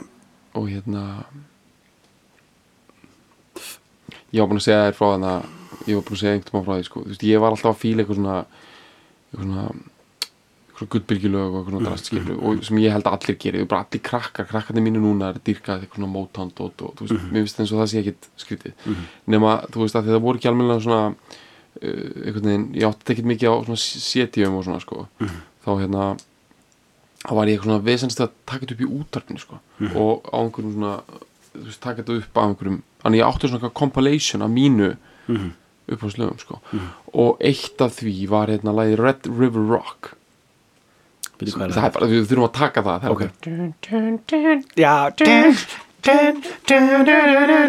Já, já, og hérna það er svona early surf já instrumental bara hittar já, eitthvað já, já, það er svona frá 62 eða eitthvað sko og hérna, eða jafnvel fyrr já, 60 bara jafnvel 59 sko, Já, þar þetta er þar, sko, já. svona frumrocks svona, hérna, þetta er, þetta er nefnilega, þetta er af hérna Wilderness rock áranum sko. Og þetta lag er til dæmis í djöflæginu sko, nema þar er það ekki orginal upptakan sko, ég er nefnilega hérna fekk soundtrackið af djöflæginu og var fyrir vombriðum sko, já, það er, í recordings Þannig ég átti þetta á einhverju spólu og tók þetta upp og var svona einhver útarsmára að tala í byrjun og, mm. og ég dyrka þetta sko. þetta var byrjunin á spólunni. Þetta lag, að mér fannst þetta að vera svo mikil mér finnst, mér finnst þetta og hérna, Rættir yfir rock en þá vera Johnny and the Hurricanes heitir, heitir bandið sko. Vera bara svona eins og þú veist bara, skuldlaust dæmi. Og svo hérna bara því ég var komin í mennskóla þá átti ég bara svo spólu en þá og bara mikið að spila. Svo kom hérna einn félagi minn tek fram, svo kunningi þetta er einhvern veginn svona bara eitthvað hann komið í bílpróf, ég var ekki komið í bílpróf og hann ætlaði að sækja mig. Og við vorum að fara eitthvað og það voru fleiri, við vorum nokkur sem vorum að fara í eitthvað svona bíltúr samt ekki út úr bænum, heldur bara rúnd einhvern rúnt eitthvað, í sund og eitthvað. Það er svo kemur hann og hann er á svona kemur á svona stórum amerískum svona uh, hérna stationbíl. Svona panel panelklættum, af því þetta er náttúrulega 1997 þannig að þá eru svona bílar kannski bara 10 ára gamlir sko, eða kannski 12 eitthvað, þannig að þetta er ekki eitthvað geðt statement sko, þú veist, að vera á svona bíl þetta er bara, þetta var fjölskyldubílin og þegar ég sé að hann er á svona bíl þá segi ég, herri, ég þarf að snúa við. Og ég fer aftur inn inn til mín og er bara svona að gramsa og finn spóluna. Og ég segi við verðum að hlusta á þetta. Og ég setti þetta í það, náttúrulega bara teipspilari í öll, öllum bílum. Og Red River Rock fór í gang. Mhm. Og fyrir mér var það bara geggjað sko. við ætlum bara að taka einhvern amerískan paniklættan Oldsmobile og bara keira bara upp og niður skilur að það er ein brekkaðan í Kópói sem er kallað hann San Francisco brekkuna ja, já. í suðurlíðum Kópói er það líður bara smá þess að setja í bandaríkjánum í svona nokkrar sekundur nokkra sekundur sko. Já. og hérna, ég var með einhverja jafnvel hugmyndum um að við myndum fara þangað og blasta retro við rock og eitthvað það sem gerist við það að hann byrjar svona að dansa svona asnala. Mm. svona asnalega, svona, þú veist já, já, já, svona, svona alvöru asnalega ekki svona eins og hann sé svona og hérna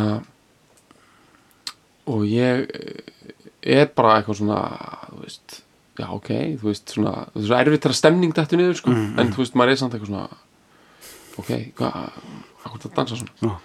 Þá segir hann eitthvað svona, æ para, þetta er eitthvað svona músík svona, eitthvað mamma og pappi myndu fíla og eins og þú heyrir ég er ekki vinnur þess að ná okkur dag sko.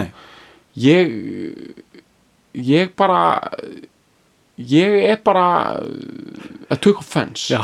Ég er bara móðgæst ég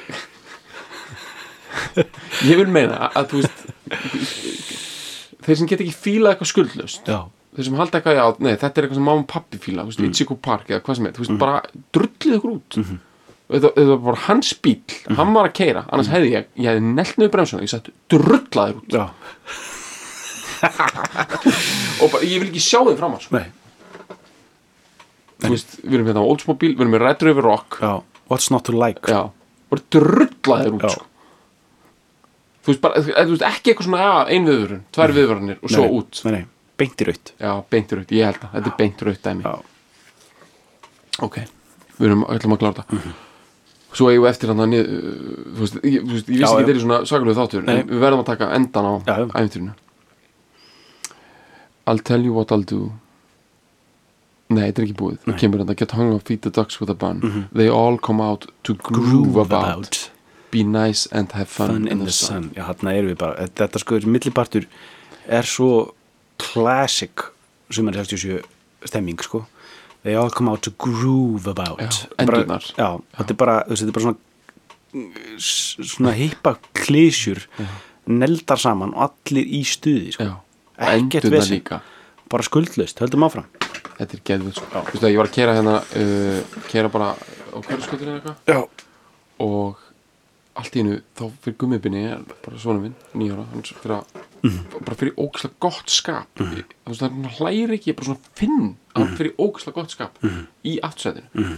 hann bara svona, ég finn að hann er bara að brosa í ógislega góða skapi ég bara, Mhm. hvað, er að gerast, hvað er svona fyndið þá sagði hann að einhver hundur sem hann sá Mhm. hafi verið að lappa alveg í takt við lægið sem var í Mhm. í alveg frekar langa tíma sem er bara stundum gerist það hann er bara og mér finnst þetta svo ógeðslega góð ástæð sem bara er gott það er það sem er að gerast þarna. Endurnar er að krúfa með liðinu sko. Já. svo kemur I'll tell you what I'll do. What will you do? What will you do? Já, I'd like to go there now with you. Já. You can miss out school Skrópur. Won't that be cool won't that be cool Why go to learn the words of fools einmitt Þetta er BBC stressað. já, hann er hann stressaði sko. What will we do there? We'll get high uh, What will we touch there? We'll touch the sky þetta er svo Það gott eru sko. bara, bestu ærandi, línu já. sexunar er að koma henni í langi banir sko Þú veist, bara Jimi Hendrix hefur bara heyrt þetta Mhm. þú veist, á bettanum sko í bara einhverjum armibönker sko Mhm. og, eða, já, hann er reyndar komin, já. Hann er mættur. Hann er mættur, hann er mættur til London sko. ok, þá heyrði hann þetta bara í útarpinu já, bara þurrkaði ælun á kottanu bara, ó, bara þetta. But why the tears there? I'll tell you why. It's all so beautiful. Mhm. It's all so beautiful. Og svo er restin endur þar byrjar hann aftur, maður sé ekki að því? Æsing, hann tekur svona æsings þetta fer neyri svona dró, bara, bara svo byrjar að fer hann aftur í eitt svo alltaf Já, já, alveg það tekur svona uh, svona algjört sól æsing sko bara endur hlaða sig til þess að taka sko, svo líka tekur hann þú veist loka it's all too beautiful fade á dæmi þannig að this, it's all too beautiful. Það tegir sér rosalega í alla nóttina sko. Bara svona þessi James Brown er Cockney James Brown kjaftaði sko. ógeðslega gott með sem sagt, þessu hendi út. Negla hittari og gengur vel í bandaríkjunum sem hefði svona, e, ekki mikið gert hjá þeim sko. en mikið hittari í, í, í Evrópu. Uh, svo kemur hana, Lazy Sunday aftur stór hittari svo sé Plata, Urgent's Not Gone Flake sem er algjörð svona studio masterpiece negla. Þetta gerist allt mjög stemma og svo 68 er farið að koma svolítið eitthvað, það er eitthvað off í samstarfinu. Enda með því að Steve Marriott stormar á sviðinu hana gamla skuld 68 uh, og hættir stopnar Humble Pie Mhm. með Pete Frampton. Uh, sem að er frekar leiðil hljómsveit, bara, bara verður að segjast eins og er, það er svona bara eitthvað blues hjakk sko, sem gengur ógeðslega vel í bandaríkjunum á þessum tíma sko, bara ekki hafa ágjör af því sko, þeir túra, þú veist, stanslust frá 69 til auðmjóka uh, bakan. Já, til 70, þú veist, þetta er, í svona ætt við svona þetta er svona supergrúpu dæmi sko, blues hjakk sko. Uh, og uh, Small Faces halda áfram.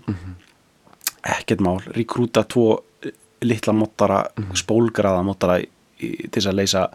Og Steve Marriott var náttúrulega geðu gítarleikari og geggjaðu söngari þannig að þurfti tvo til þess að leysa hann af sko. það var gítarleikara og söngara sko. og ekki málið það er Rod the Mod það er bara að fara beint í The Source. Já. fá bara Rod the Modin kottukallinn úr Jeff Beck Group og Ronnie Wood. Já. þessi tveir koma inn í er þá tveir Ronnyar í bandinu? Það eru tveir Ronnie að koma inn í bandir það eru tveir Ronnies. Já, og eitt rottari það eru tveir ronnarar, eitt rottari og eitt Já. og, og bara pixi greiðslundar alveg klárar. Alveg klára sko já, og svona svona hökurnar og, kinnbinin og þeir droppa small og eru bara faces núna sko.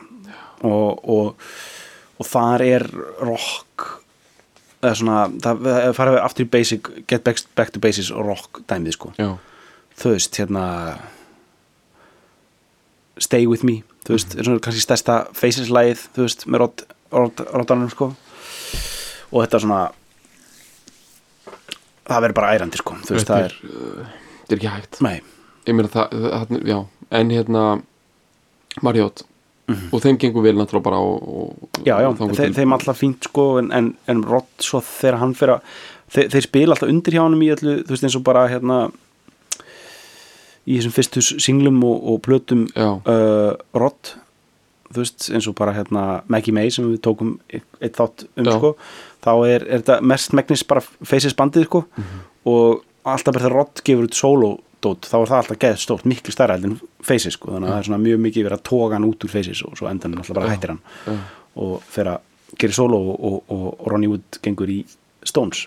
Já, þetta gerist á svipun tíma kannski. Já, þetta er 75 já, uh, og Faces bara dettur og Small Faces eru reyndar endurvaktir þá í smá tíma, þú veist, 75 uh, en hann hérna Steve Marriott er, er, er bullandi alkoholisti sko, það er, það er hann er bara, dre- drekkur svífirilega og er þarna og síðan að gekk út bara eina, Já. 68 sko. í raun og veru, sko, þá fer hann, fer hann virk í Humble Pie dæminu og í bandarísku túrun þess að hann alltaf túra í bandaríkin ógæslega mikið bara Cleveland, Ohio. Já. þá dettur hann inn í stjórnar í sig þar. Já, og kókain sko og bara svona, og þannig fyrir bara í þessar rocklísi og fyrir bara í bourbon, bara, bara whisky og, og hérna kókain sko. Uh, uh, bara strippers, kokain, whisky og Já. eitthvað svona og blues rock bara, hverju skalar sko, veist, og, og hérna þú veist, er þetta bara orðið svona og svo er hann alltaf, þú veist, er þetta alltaf þetta manager uh, dæmi sko, þú veist, það er alltaf verið að kæra fyrirvændi managers og þeir skulda, hann skulda skatt þetta flytja út úr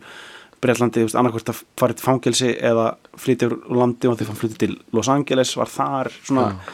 síð sjöunni fram yfir áttuna sko þá er hann, eh, þá er hann á sko, til dæmis í Los Angeles á sama tíma og eftir að hérna, þegar Ozzy Osbourne var reikin úr Black Sabbath þá, þá tjekka hann sinna á hótelan í Los Angeles Já, og held aldrei að hann var í ok. Okay. því að hann var bara sko, hann var bara með plömmer Já, og í hljómsættaból og Mhm. sítt hár og bara eh, og lá bara, Ossi, já, já, einmitt. Þetta hefur verið þessu orka sko, svona algjörlega wasted gaur sko, bara, he, bara búinn með sitt dæmi sko. Steve Marriott. Já.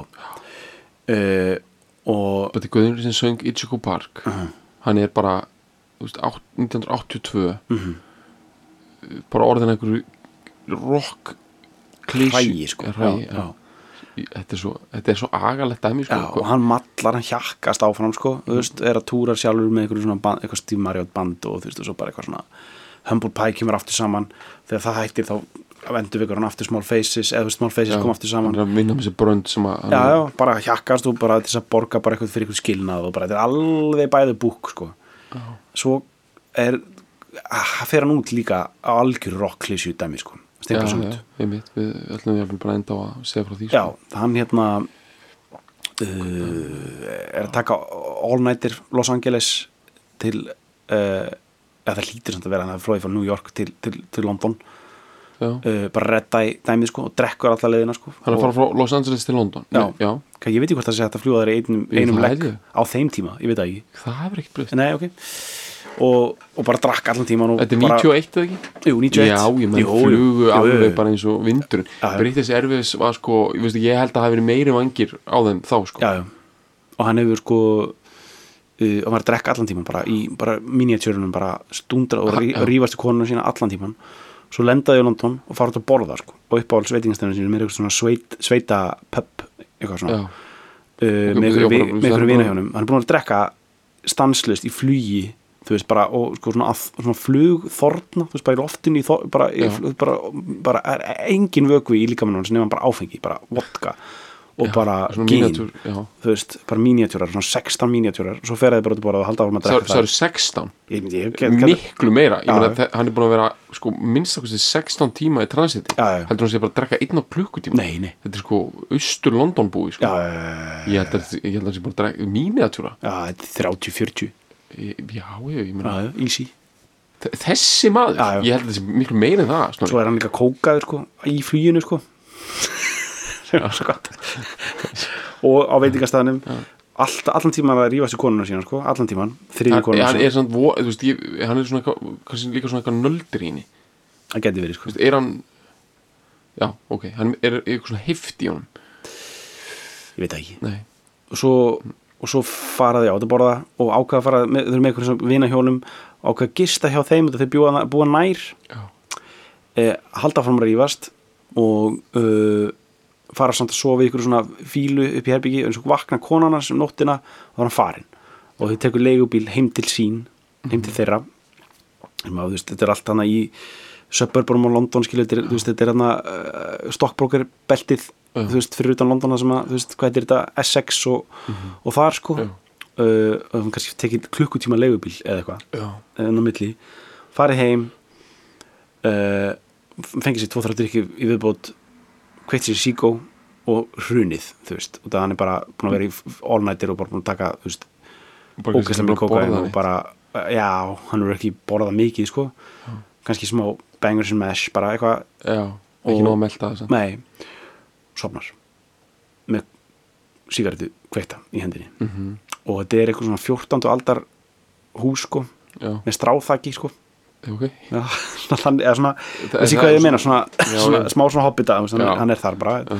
svona með svona þykku svona, þetta er er ekki strá, þetta heitir eitthvað annað, jú, jú, já, ég veit alveg hvað já, þetta er. með svona þannig sko, kviknar í þessu eins og bara, og bara púðutunu, já, hann, hann brennur inn í, sko, hann sérst sopnaði bara, hann fekk ekki, ekki hjarta áfall nei, hann sopnaði bara og hefur, og, og, og það kom hérna, bara The Fire Brigade, kom bara mjög Mhm. hratt og náðu honum út úr herbygginu og hann var dáinn, sko, æ, þetta er ógstlega sorg og þeir náðu sko það var eitthvað, svona, eitthvað smá svona punktur að sko þeir náðu bjargallum gíturunum sko. það var sko bara eitthvað, það voru eitthvað bara gaurar bara eitthvað The Fire Brigade, þeir þekktu Steve Marriott bara inni í reik herbygginu, þú veist.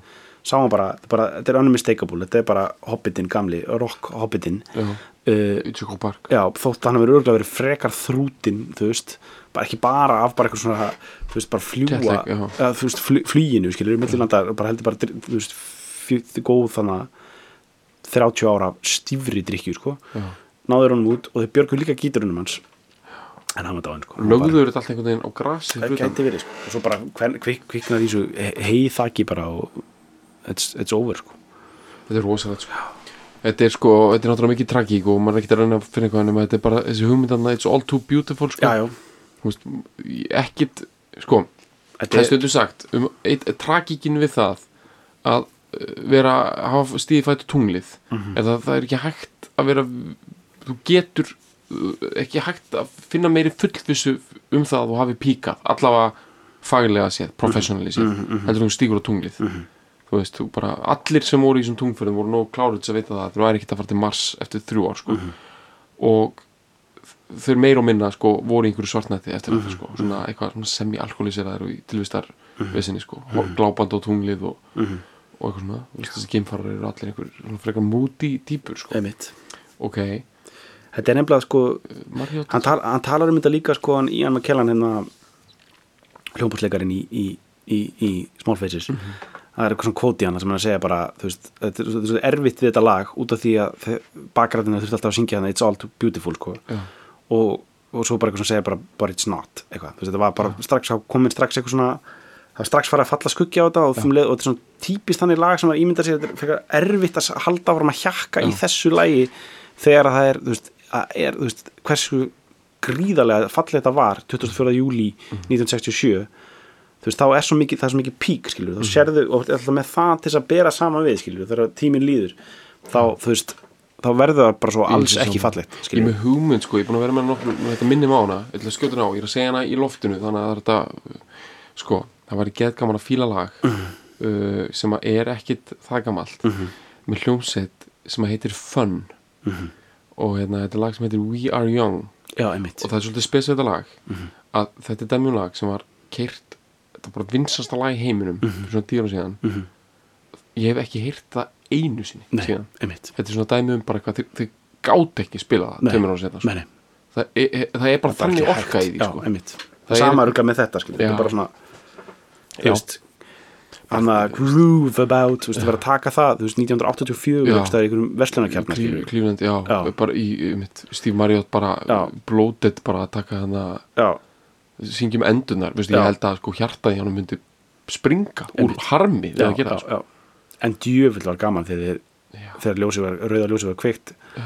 og allt í gangi, sko. Já, þetta er ótrúlegt. Ég bara ég vona bara að við gerum svo skil að þetta er bara þetta er mjög mikilvæg fílun. Æ, þetta er og þetta er eiginlega bara svona, ef að fólk fílar þetta ekki ef fólk verður með eitthvað, nú ætla Get out. já, drullið ykkur út. Þessi Oldsmobile stoppa núna og drullaðir út sko. hendur sig á já,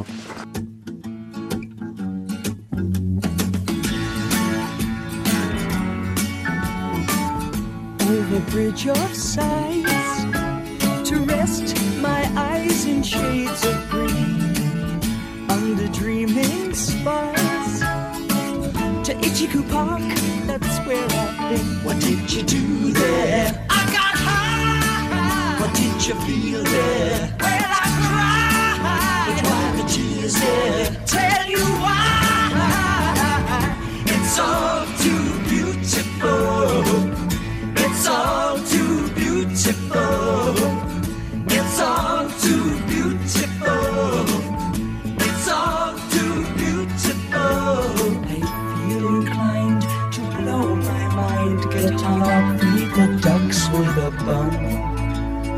They all come out to groove about, nice and have fun in the sun. I tell you what I'll do. What will you I'd like to go there now with you. You can miss out school. Won't that be? Why go to learn the words of food? What will we do there? We'll get high. What will we touch there? We'll touch the sky. But why the tears there? I'll tell you why. It's all too beautiful. It's all too beautiful. It's all too beautiful.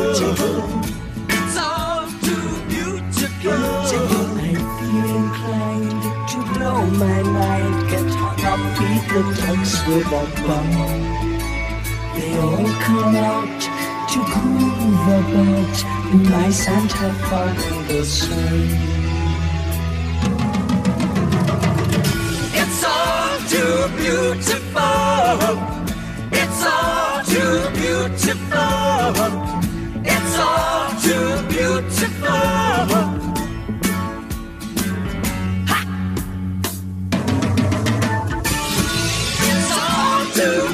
It's all too beautiful.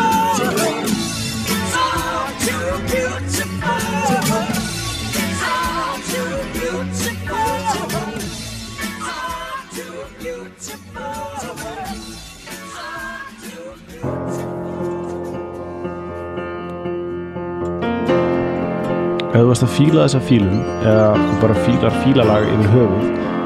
þú varst að endilega gera okkur greiða og deila henni með einhverjum sem þú heldur að muni fíla þetta stöf líka. Og svo var ég geggja ef þú getur skrifað umsögn um fílalag inn á iTunes eða því appi sem þú nota til þess að hlusta fílalag. E, því það skiptir vist miklu máli fyrir alla svona algoritma drulluna og geða verkum að fólk eins og þú sem er að leita að einhverju góðu hlaðarpi rekst á fílalag. Takk fyrir að fíla